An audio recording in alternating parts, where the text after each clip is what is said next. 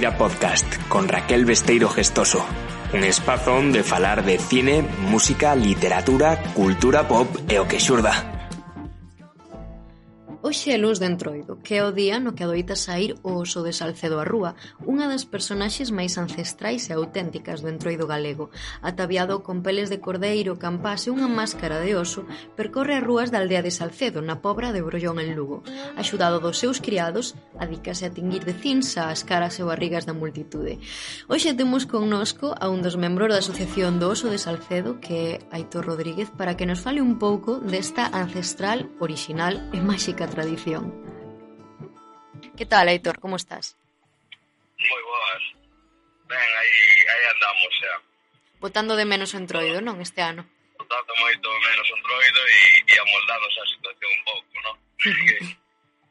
este ano é un pouco raro, pero bueno, vamos, vamos a intentar levar ben e, e volver bueno, que ven máis fortes. Claro. Pois fálanos un pouco da, do oso de Salcedo, da tradición que representa e que é o que se fai nesta festa.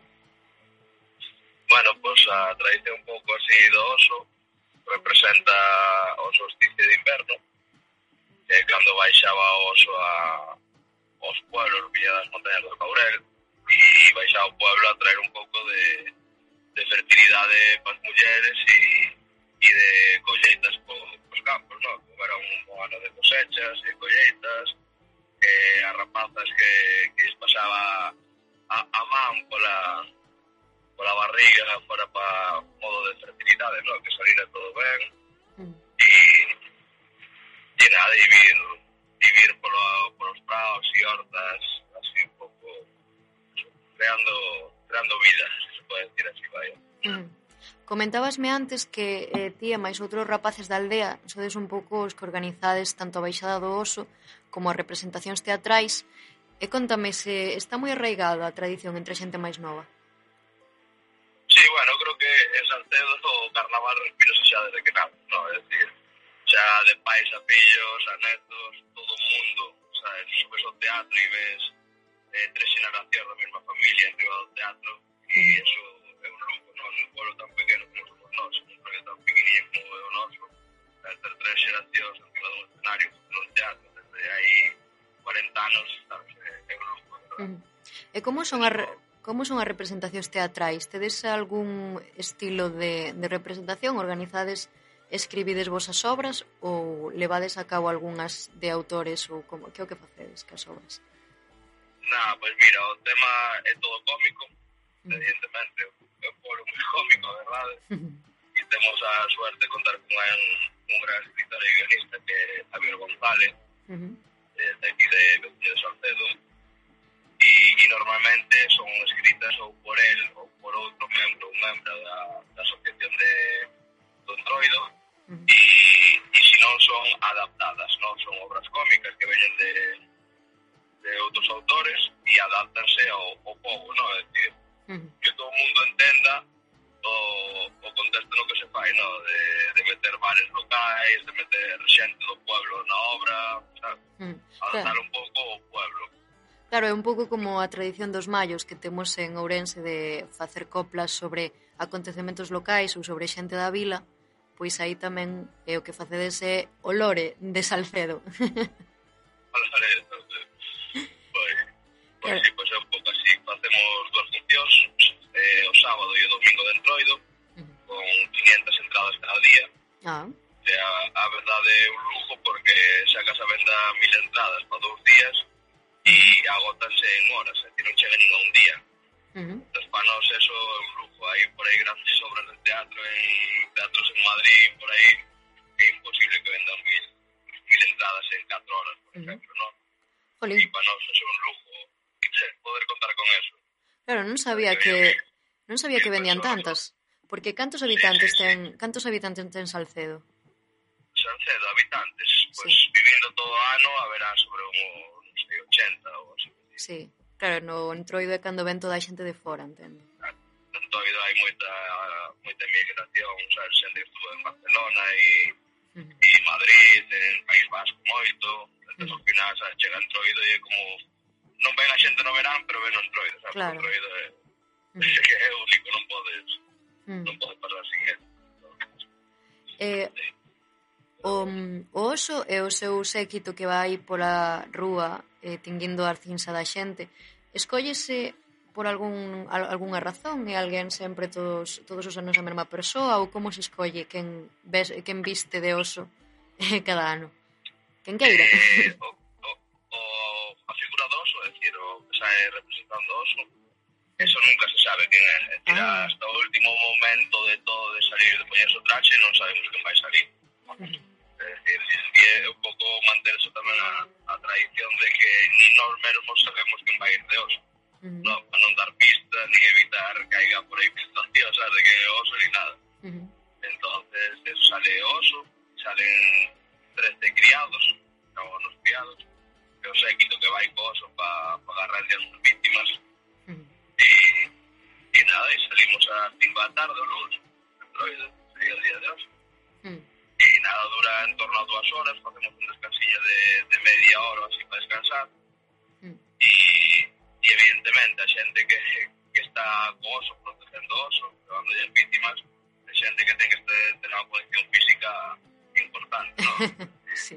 Que te levantes de resaca, que, que bebes moito viño o día anterior, chega a 5 da tarde e pasas todo, ¿no? Como Claro. que botas unha carreira que xa non das casi de transpirado, tens que estar aí a fondo. É como unha é como unha responsabilidade, non? sí, sí, claro, eh, de feito é unha gran responsabilidade, de en medios chinos, franceses, de Bélgica, todas as televisións españolas e como que, hostia, sabes, tes que dar a talla, non vale estar aí morrendo, morrendo vos, porque o oso non para, ni, ni entende de cansancio, ni nada. Agora que comentas, o dos medios estranxeiros, e si que é certo que me chamou a atención que ten representación dende 2008 no Museo do Carnaval de Vinche, que é en Bélxica, que o disfraz do, digo, é o Museo do Carnaval e do, mm, das costumes etnográficas máis importantes do mundo. Sí. Uh. Aí, hai uns anos, en 2008, decidiuse mandar, non? Mm. Mas, realmente, que conflictaron eles o museo. Uh -huh. Decidiuse mandarles a, a peza original do traxe máis antigo que temos ah. nós, non? Este, porque nós, evidentemente, oso é unha cultura que desgasta moito o traxe e cada dos, tres, catro, cinco anos tens que andar remendando o traxe ou cambiarlo. É que non o mesmo traxe da hora que o dai 30 anos. É similar e eh, faise por os mesmos patróns, pero sería imposible que durar un traxe 20 anos, non? Uh -huh. Entón, o primeiro traxe que chegou a nosa xeración, para os hermanos, mandámolo para ir no, no Museo do Carnaval de, mm. de Virxe, que está en Bélgica. Xa leva entre 2008 leva ali. Mm. E quen e, adoita facer o traxe? Perdón. Por lo que me dicen que é un dos máis visitados, eh? Ah. Por lo que nos dicen sí, sí, que pasa sobre as 4.000 personas o ano a, a ver o traxe É que estiven lendo que no é a única tradición que emprega un oso en Galicia. É bastante curioso, porque sendo Galicia unha rexión de monte e de animais salvaxes, e soamente hai países como a Rumanía, Alemanha, os Alpes italianos incluso o País Vasco que teñen celebracións coa figura dun oso como protagonista. Non sei se mm, tes un pouco de coñecemento sobre, sobre o tema, sobre antropo, antropolóxicamente falando, ou, ou algo que digas, ai, mira, que curioso. pois, se digo a verdad, eh, non sabemos que, bueno, porque nos contaron, medios exteriores, medio francés, son, hai un rapaz aí francés que leva investigando moitos, moitos anos sobre o, sobre a traición hasta non? Uh -huh. E polo que el nos dice que a primeira, os primeiros datos que teñen da traición das máscaras do oso, iso era nosa, é uh -huh. decir, e perdese a referencia, que non se sabe de que edad realmente ven. Uh -huh. Sí que sabe que desde que hai documentación, os datos máis antigos de todos que apareceron foron os nosos, uh -huh. pero non sabemos sabes? É dicir, non sabemos en que ano empezou justamente e nada, porque eso perdese tradición, sabes? Claro. Pasa de, de boca a boca, pero nadie sabe realmente cando, claro. cando apareceu. Claro. Eh, o traxe do oso, quen o fai ou quen o ten? Eh, facedelo entre varios ou era algún particular? Sí. Eh, Facémoslo nós, pois, sendo con, con agullas gordas e, e cordón de cera e guilado bella, non hai outra cosa. pasar noites ao lado da chimenea, cosendo, cosendo, cosendo, e, claro. e non hai nadie que se dedique exclusivamente a facer un presuposto. Eh? Claro. Pois pues pareceme precioso. E, e nadie vai coñecer mellor que nós, non vai tratar mellor que nós, entonces. Claro, si é como unha tradición oral no, ao final. Nos, claro, é mellor que nos aprendemos un pouco de costureiros, sabes, mm. para pa ir ao facendo e, e así vamos formando cosas. Mm. Eh, un dato que me pareceu moi curioso que estive lendo sobre que se facían con padres. Zona de, de correr as comadres, compadres, facer os muñecos e as pequenas hospitales as pequenas e viceversa, eh, pero realmente non se vive como se vive por aí na zona de Ourense, que sale a xente a cenar, nin, Claro. saben, non temos esa tradición de os compadres van ser os muñecos e, e trata de un pouco, Mm. sabes, de, de visite, a vicini para apoiarlos no máis contra un troido, pero non son troido non ten unha importancia claro. relevante como pode ter o teatro, as madamas, mm. os danzantes, o claro. oso. Claro que eu lera como que decía que as mulleres lle prendían lume a unha representación fálica, fíxeme moita gracia.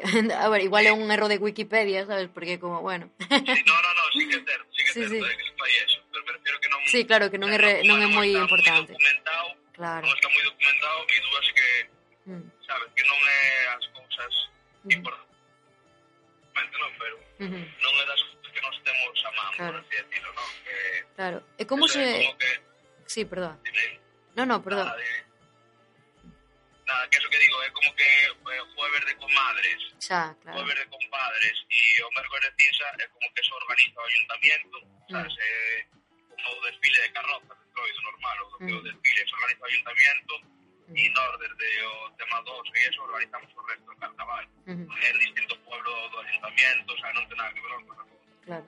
Colaboran, hai colaboración de asociación e ayuntamiento, evidentemente, pero non... Uh mm. -huh. Sabes, o que é comadres e compadres non se meten no, no tema do que entroido, entroido claro. de, de teatro. E cantos días son o entroido de Salcedo? Pois mira, empeza o sábado a 10 a primeira representación de teatro de 12 da noite Condimo ao domingo o pregón ás 5 da tarde e a salida do, das madamas e dos danzantes Despois volvo a ver a representación teatral de a segunda sesión de, de 10 a 12 o domingo tamén e depois o lunes xa sae os cantos de cego que se recuperaron, que son tamén unha cosa que me encanta, verdad? -huh. E xa a cantar as compras o povo e xa baixou. A cinco da tarde sale o sol. Uh -huh. Despois hai festa, hai festa pola noite e tal, e o martes hai concurso de disfraces arriba en San Pedro, onde se resolve todo o coido. Hai un concurso de disfraces que hai xueces e valoran os disfraces feitos na casa. Uh -huh. E feitos artesanales, non hai Uh -huh. E nada, pois comemos unha paella ali moi rica que fan os cociñeiros e, e tipo Pareceme... Licor café, mellor, eh? sí, sí, sí, damos a todo. A todo. Eh, pareceme moi curioso, pareceme moi curioso porque non sei se hai outras zonas por preto de Salcedo que tamén celebren o entroido do mesmo xeito que a vos. Pero eh, pareceme moi curioso porque, por exemplo, en Ourense, pois, sí que é como máis xeralizado ao longo da provincia, pero pareceme moi curioso que en Salcedo en particular, teña este tipo de entroido que non teñan ao redor. Sí, bueno, eu creo que foi un pouco tamén, decir, eso debido a a xente que marchou fora, no? Porque moita xente que marchou fora eh, solo villa equipo entroido. Troido. Mm. Uh -huh. E no noso pueblo sempre houve moita emigración en Cataluña, País Vasco, Madrid e eso. Entón, como cada vez que viña xente fora, había que facer algo, no? E eu creo que esas xeracións anteriores ás nosas superan manter moi ben e e levar a cabo, sabes? Decir, que nunca morrera. De Claro. que fora máis ou menor medida, sabes? De que se non podía salir ao oso unha hora, pois salía 20 minutos. Se non iba a haber 10 obras de teatro, había unha, sabes? Pero Ujú. sempre se mantía un pouco eso de que había. Eu creo que hai outros sitios da provincia de Lugo que hai entroidos e tal, pero non se superan de decir manter Ujú. nas épocas, sobre todo na época da Guerra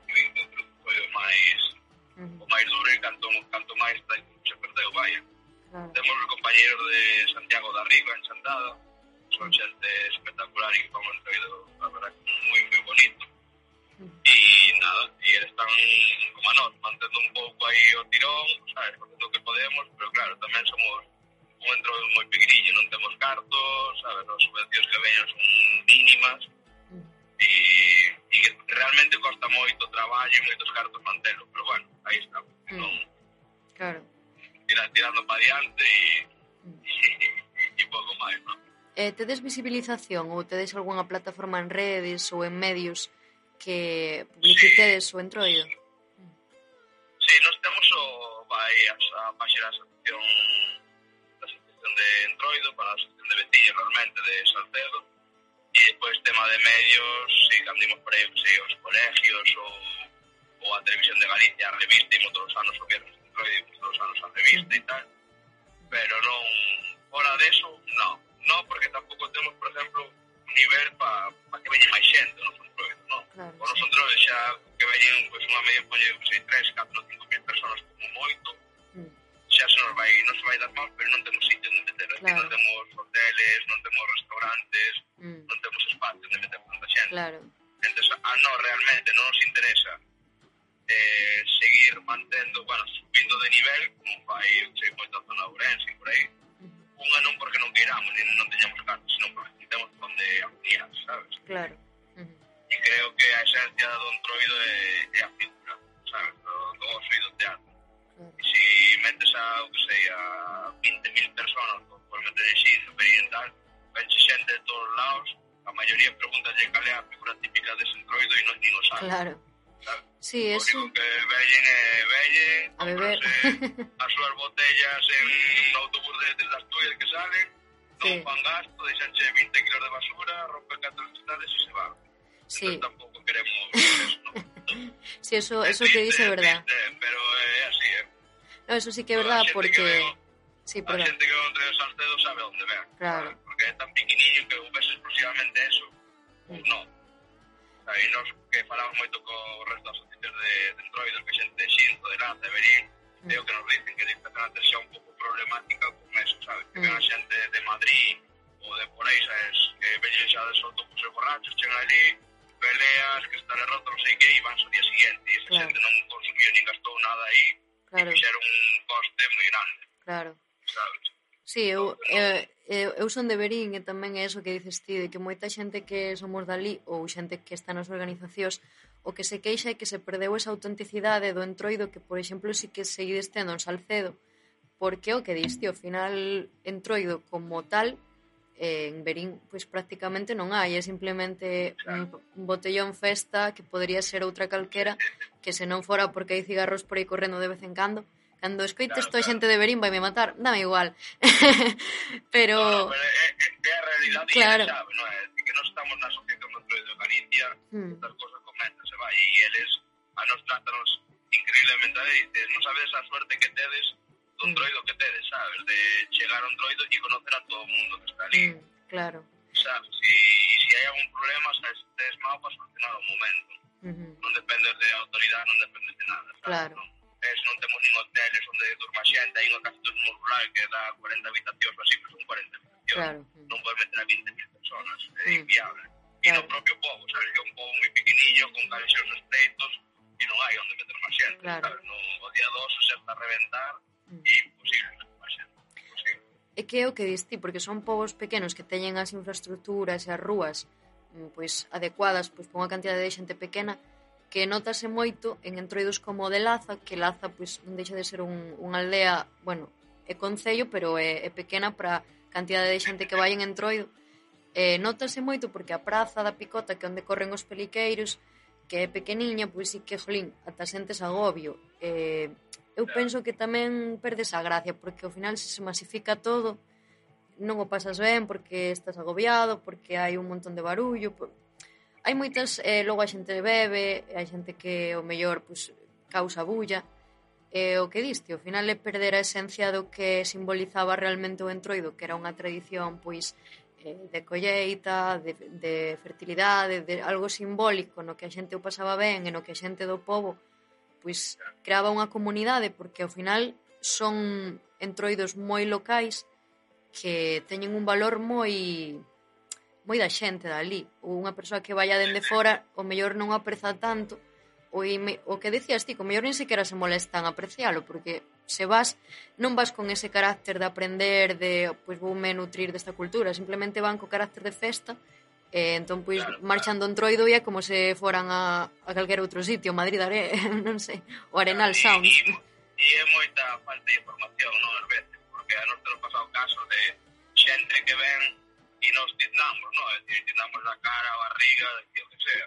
Mm. Y ves a gente que ven, pues, yo sé, pues un rapaz, una camisa blanca de, de John en La Habana que vale 200 euros. Claro. No, no, no me manché, no, que no se llama, tenía camisa puesta, ¿sabes? Claro. Es decir, si, si sabes dónde ves, claro. informarte antes, es decir, no vas a ir a una fiesta sin informarte, ¿no? Mm. Es como si vos en Perín o un sitio, lo que sea metei un cigarro un bareazo a un tío e o tío quéntase porque pegou claro. un cigarro. Claro. Pois si che botan por mirar por riba. Eh? Claro. Tío, o, o a farrapada. No, claro, claro. No, claro. Me parece un pouco absurdo esas xa. cosas que pasa. Que hoxe en día, por desgracia, cada vez pasa máis eso. No? Que a xente ven e como, ai, non me toques, sabes? Non me toques. Xa. Porque que toca non peñas. Claro, é un pouco... E deixa sitio para pa alguén que sí lle mm. guste, non? Claro, un pouco o problema do, do turismo masivo que está acontecendo de que moita xente vai como observadora, pero non vai pois pa introducirse no mío. Exacto.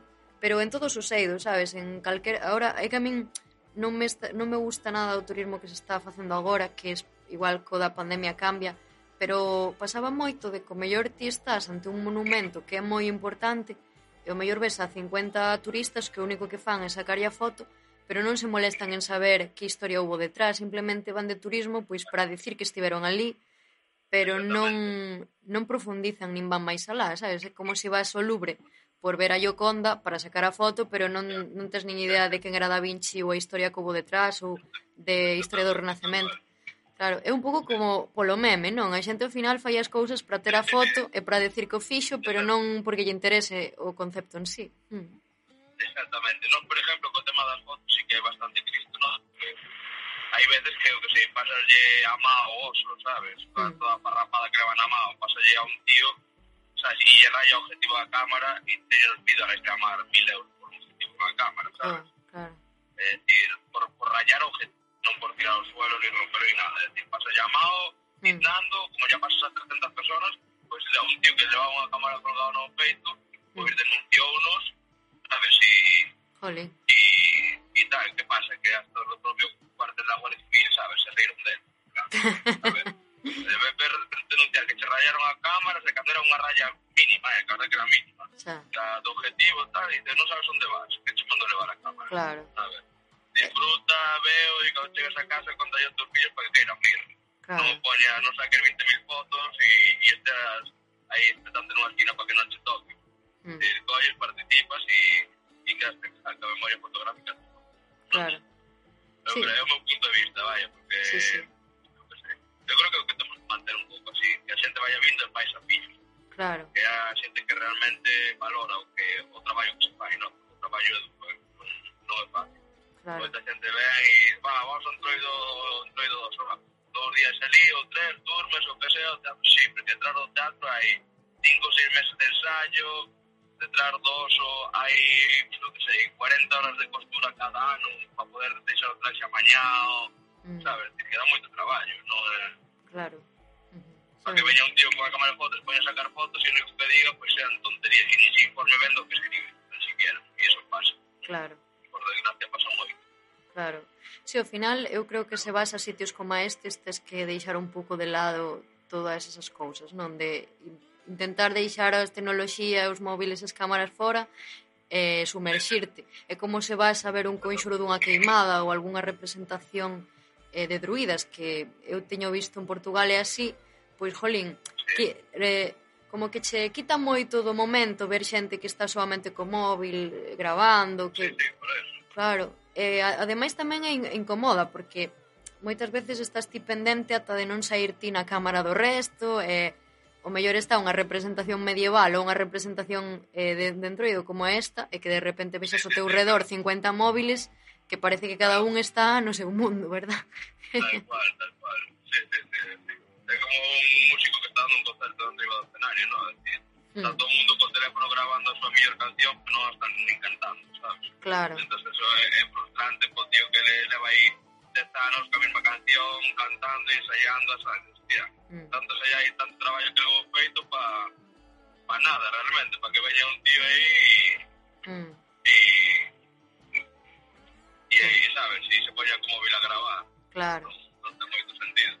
Si, sí, ademais que tamén eh, non sei ata que punto logo eso o verás ti na casa, porque ao final hai xente que está grabando como son as procesións de Semana Santa, pero non, non penso que logo chegue a súa casa e se poña a ver os vídeos, sabes? Que ao final é por acumular... Sí que parece que temos esa urxencia de gravar todo o que pasa ao noso redor e logo pois esos documentos nunca os vemos que o mellor o teríamos disfrutado máis claro, que o mellor o teríamos disfrutado máis se o viviramos no momento porque logo igual nin te lembras como estiveches pendente do móvil claro, claro.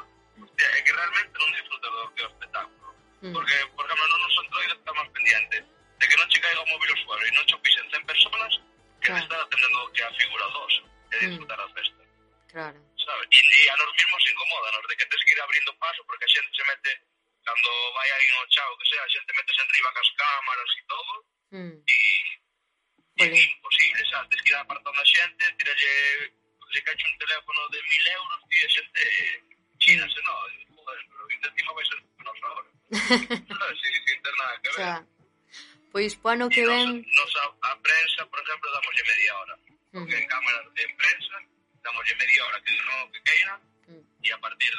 السياره شاع شاع لان ما فهمتش طبعا شاع شباب بين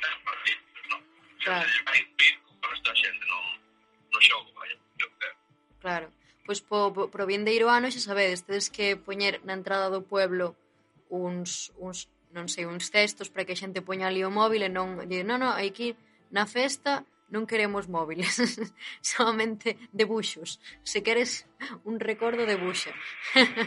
E tamén son as xeración da hora, no, é un, é un club, eh, que non podemos estar sin vivir sin móviles, sin, mm. sin redes sociais, sin nada, pero bueno, eu creo que en temas tan tradicionais, tan ancestrais, que habría que intentar manter un pouco a esencia do que é, no? Claro.